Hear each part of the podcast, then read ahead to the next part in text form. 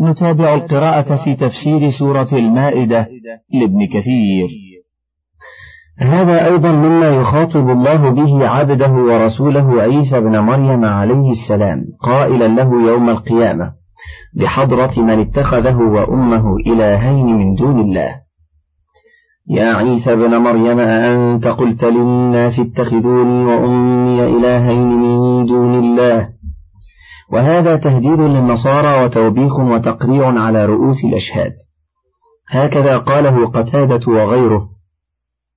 واستدل قتادة على ذلك بقوله تعالى هذا يوم ينفع الصادقين صدقهم وقال السدي هذا الخطاب والجواب في الدنيا وصوبه ابن جرير قال وكان ذلك حين رفعه إلى السماء واحتج ابن جرير على ذلك بمعنيين. أحدهما أن الكلام بلفظ المضي والثاني قوله إن تعذبهم وإن تغفر لهم وهذان الدليلان فيهما نظر لأن كثيرا من أمور يوم القيامة ذكر بلفظ المضي ليدل على الوقوع والثبوت ومعنى قوله إن تعذبهم فإنهم عبادك. الآية التبري منهم ورد المشيئة فيهم إلى الله وتعليق ذلك على الشرط لا يقتضي وقوعه كما في نظائر ذلك من الآيات. والذي قاله قتادة وغيره هو الأظهر والله أعلم أن ذلك كائن يوم القيامة ليدل على تهديد النصارى وتقريعهم وتوبيخهم على رؤوس الأشهاد يوم القيامة.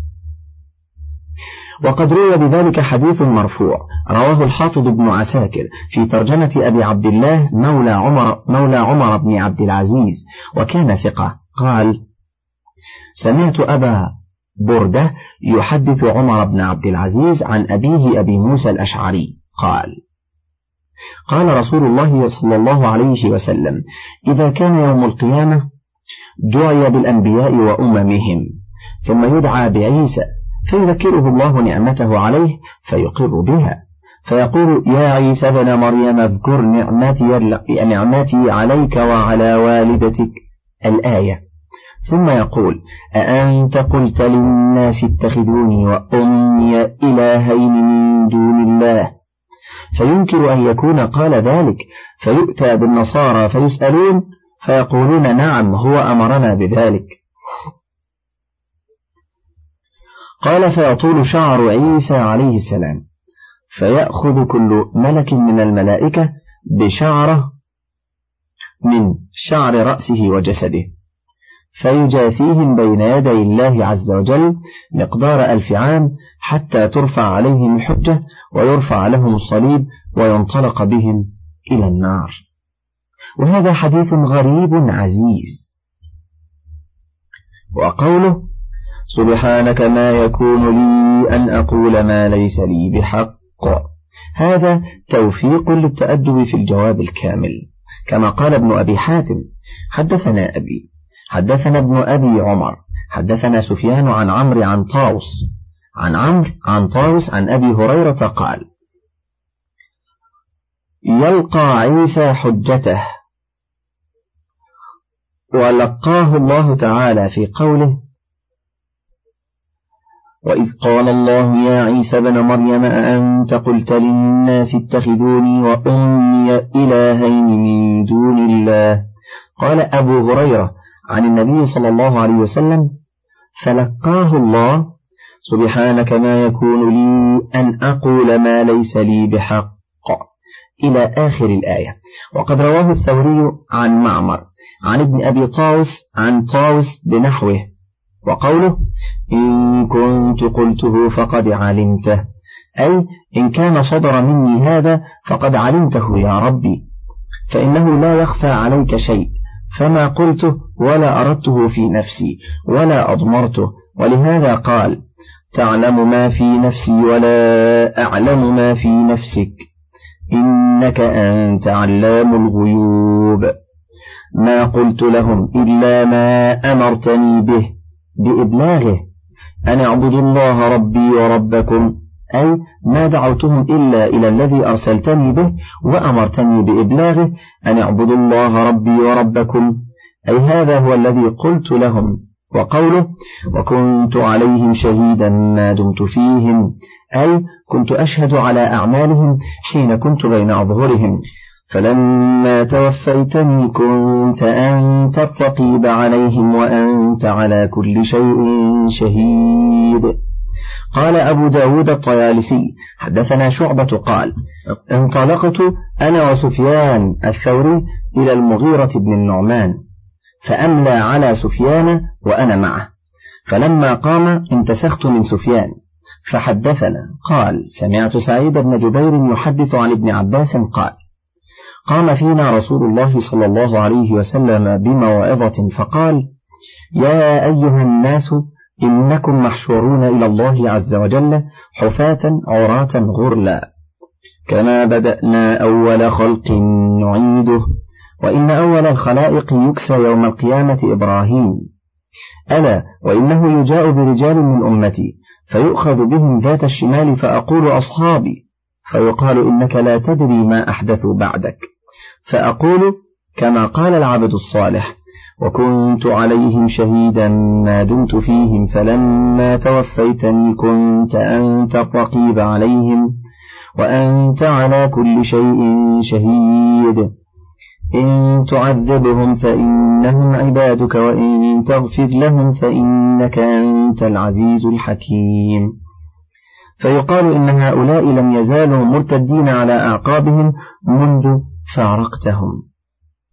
ورواه البخاري عند هذه الآية عن أبي الوليد عن شعبة وعن محمد بن كثير عن سفيان الثوري كلاهما عن المغيرة ابن النعمان به.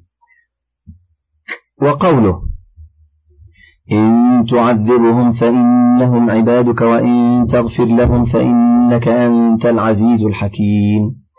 هذا الكلام يتضمن رد المشيئة إلى الله عز وجل فإنه الفعال لما يشاء الذي لا يسأل عما يفعل وهم يسألون. ويتضمن التبري من النصارى الذين كذبوا على الله وعلى رسوله وجعلوا لله ندا وصاحبة وولدا.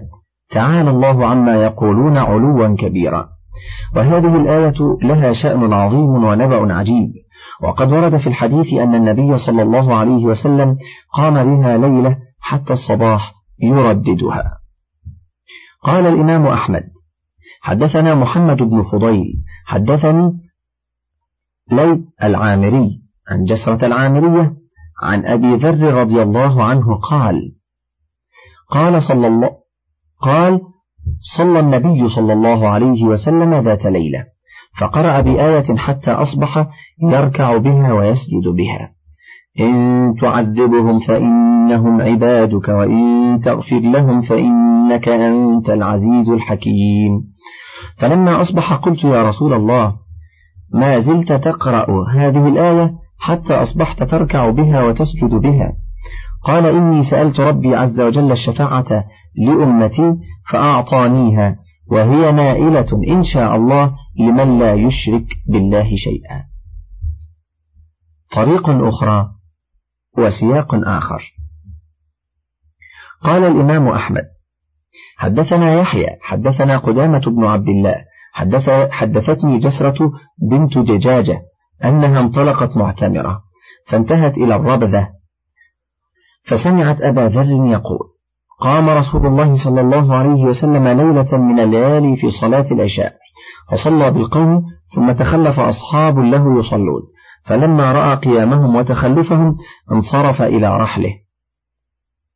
فلما رأى القوم قد أخلوا المكان رجع إلى مكانه يصلي فجئت فقمت خلفه فأومأ إلي بيمينه فقمت عن يمينه ثم جاء ابن مسعود فقام خلفي وخلفه فأومأ إليه بشماله فقام عن شماله فقمنا ثلاثتنا يصلي كل واحد منا بنفسه ونتلو من القرآن ما شاء الله أن نتلو.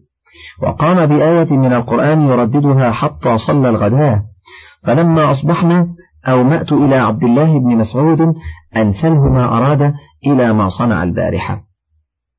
فقال ابن مسعود بيده لا أسأله عن شيء حتى يحدث إلي فقلت بأبي وأمي قمت بآية من القرآن ومعك القرآن. لو فعل هذا بعضنا لوجدنا عليه. قال دعوت لأمتي. قلت فماذا أجبت؟ أو ماذا رد عليك؟ قال أجبت بالذي لو اطلع عليه كثير منهم طلعة تركوا الصلاة. قلت أفلا أبشر الناس؟ قال بلى. فانطلقت معنقا قريبا من قذفة بحجر.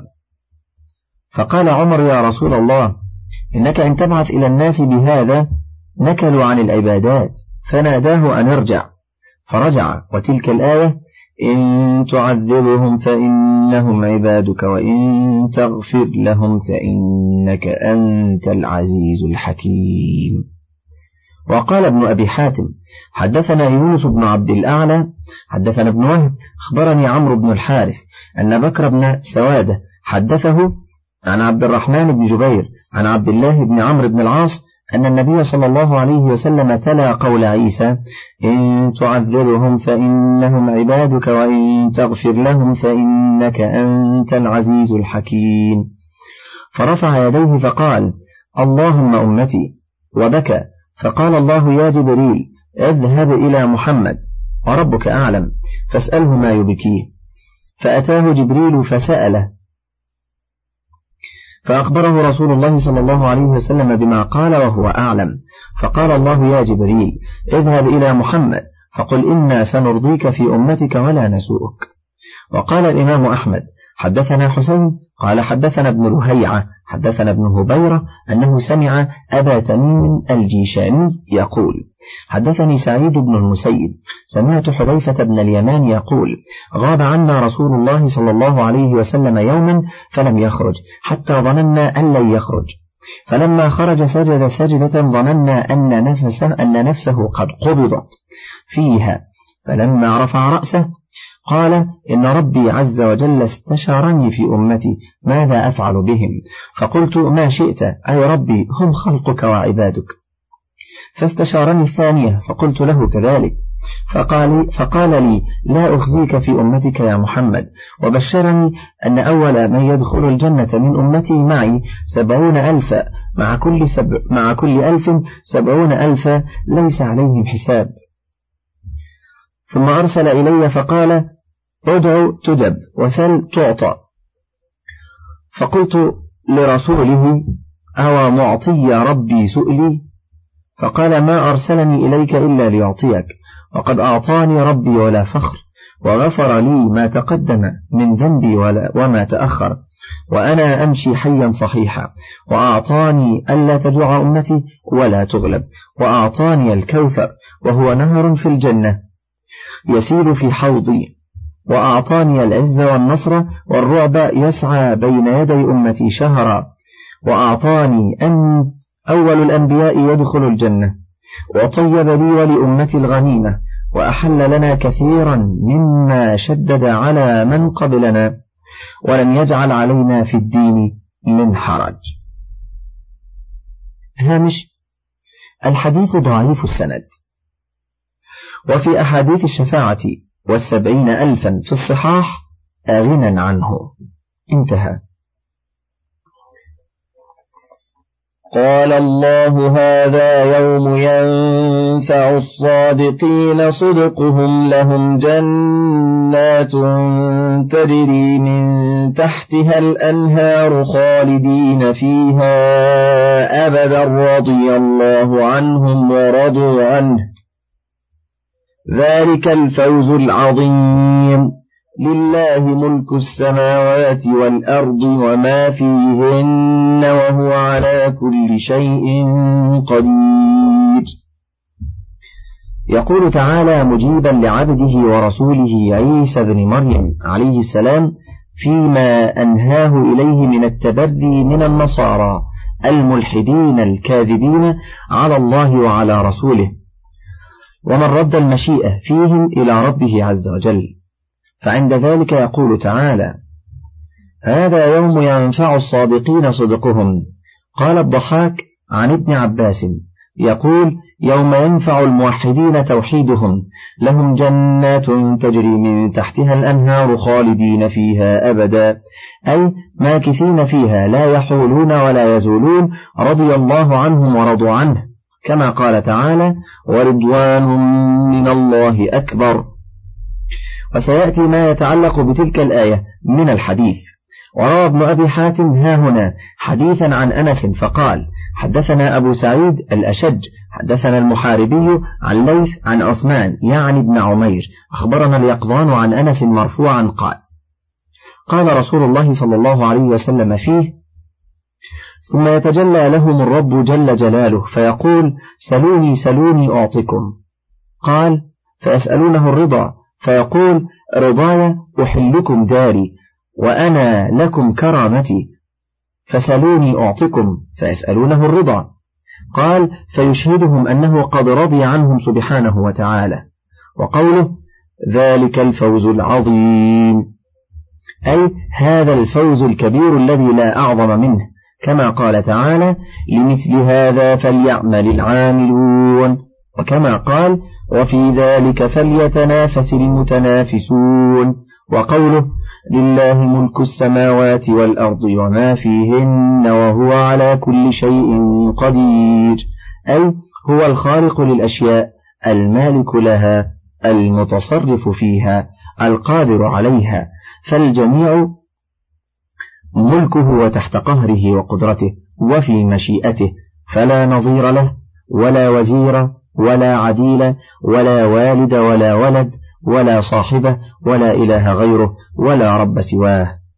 قال ابن وهب سمعت حيي بن عبد الله يحدث عن أبي عبد الرحمن الحرلي عن عبد الله بن عمر قال آخر سورة أنزلت سورة المائدة. انتهى تفسير سورة المائدة لابن كثير. انتهت هذه المادة ولكم تحيات إخوانكم في شبكة الألوف. والسلام عليكم ورحمة الله وبركاته.